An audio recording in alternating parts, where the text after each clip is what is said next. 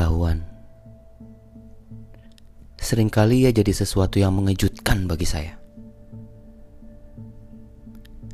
Coba saya ingat-ingat lagi perasaan yang selama ini terbentuk oleh ilmu-ilmu lama. Saya merasa digenapi oleh mereka. Sebab selama ini saya menyeleksi pengetahuan yang boleh mempengaruhi saya sedemikian rupa sehingga harus sejalan dengan nilai-nilai yang saya anut. Tapi tetap aja saya terkejut ketika sebuah berita dari buku mengatakan sesuatu yang tidak sejalan dengan nurani ini. Tapi sesuatu itu kok benar adanya ya? Jiwa saya pun mengalami kaget, shock. Lalu otak ini secara alami menyalakan program terapi budaya di dalam diri. Setelah beberapa lama, barulah saya memahami beberapa hal tersebut.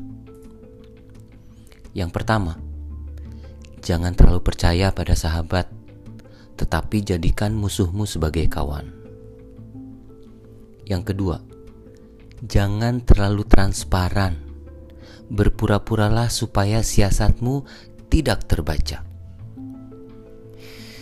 Aduh, dua hal itu memang saya pahami betul maksud dan konteksnya.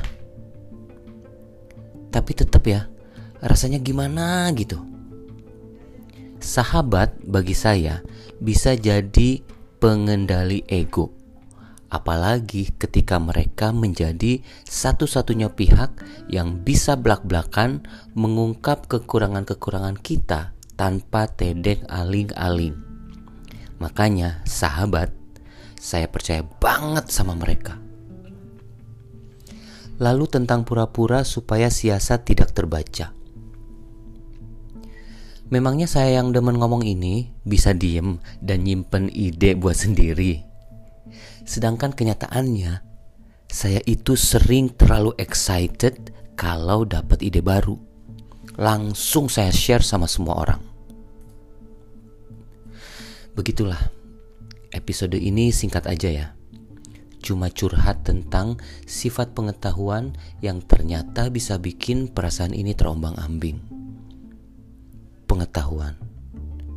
Pengetahuan yang mana lagi yang akan mengejutkan saya nanti? Thanks a planet and have a good one.